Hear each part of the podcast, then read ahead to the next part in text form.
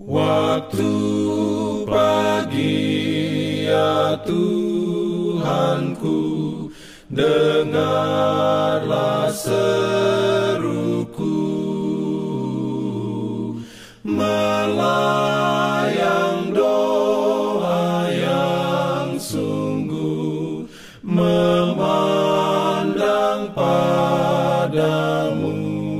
Selamat pagi pendengar Radio Advent Suara Pengharapan.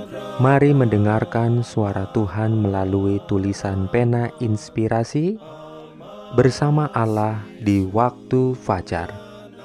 Renungan harian 10 Desember Dengan judul Allah tinggal di antara kerubim. Ayat inti diambil dari Yesaya 37 ayat 16 Firman Tuhan berbunyi, "Ya Tuhan semesta alam, Allah Israel, yang bertata di atas kerubim, hanya Engkau sendirilah Allah segala kerajaan di bumi. Engkaulah yang menjadikan langit dan bumi."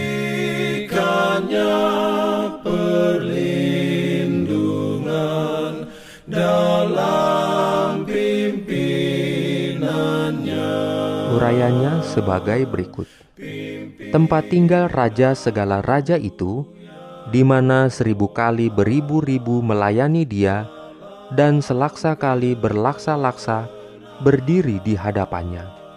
Bait suci itu dipenuhi kemuliaan tahta kekal, di mana serafim sebagai pengawalnya yang bercahaya menyelubungi wajahnya dalam sikap hormat.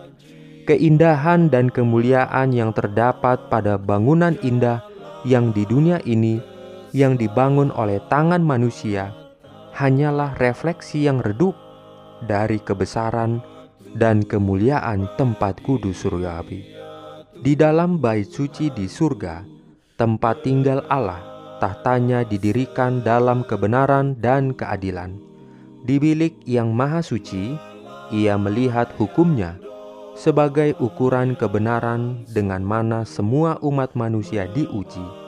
Tabut tempat menyimpan loh-loh hukum itu ditutupi dengan tutup pendamaian. Di hadirat inilah Kristus mengadakan permohonan melalui darahnya demi orang-orang berdosa. Dengan demikian dilambangkan gabungan keadilan dan kemurahan dalam rencana penebusan manusia hanya hikmat yang tanpa batas saja yang dapat merancangnya, dan kuasa yang tak terbatas yang dapat mewujudkannya. Gabungan inilah yang memenuhi semua surga dengan kekaguman dan rasa hormat. Kerubim di tempat kudus duniawi yang memandang dengan rasa hormat ketutup pendamaian itu melambangkan perhatian seluruh surga mengenai pekerjaan penebusan manusia.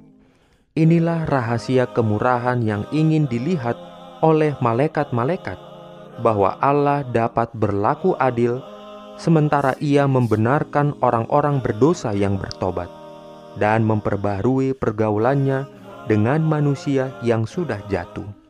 Bahwa Kristus dapat merendahkan dirinya untuk mengangkat orang-orang yang tak terhitung banyaknya dari jurang kebinasaan dan memakaikan kepada mereka jubah kebenarannya sendiri untuk dipersatukan dengan malaikat-malaikat yang tidak pernah jatuh dan untuk tinggal selamanya di hadirat Allah. Amin. Diberikannya perlindungan dalam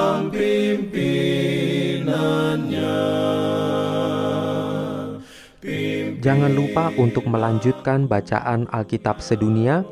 Percayalah kepada nabi-nabinya yang untuk hari ini melanjutkan dari buku Dua Raja-Raja pasal 18.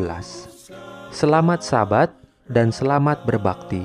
Tuhan memberkati kita semua. Jalan kewajiban.